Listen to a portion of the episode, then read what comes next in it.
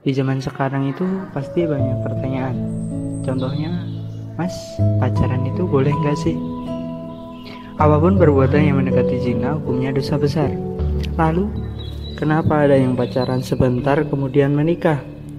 Dan ada juga yang pacaran lima tahun nggak nikah nikah tuh. Berarti jodoh bisa ditentukan oleh manusia. Begini teman-teman. Kita ibaratkan pohon mangga buahnya manis milik tetangga Nah, ada dua pilihan nih.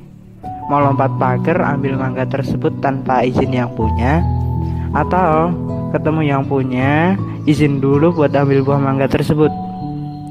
Nah, teman-teman udah tahu kan harus pilih yang mana? Nah, sekarang itu zamannya nikah dulu baru pacaran. Karena cinta sebelum menikah datangnya dari setan, cinta sesudah nikah datangnya dari Allah.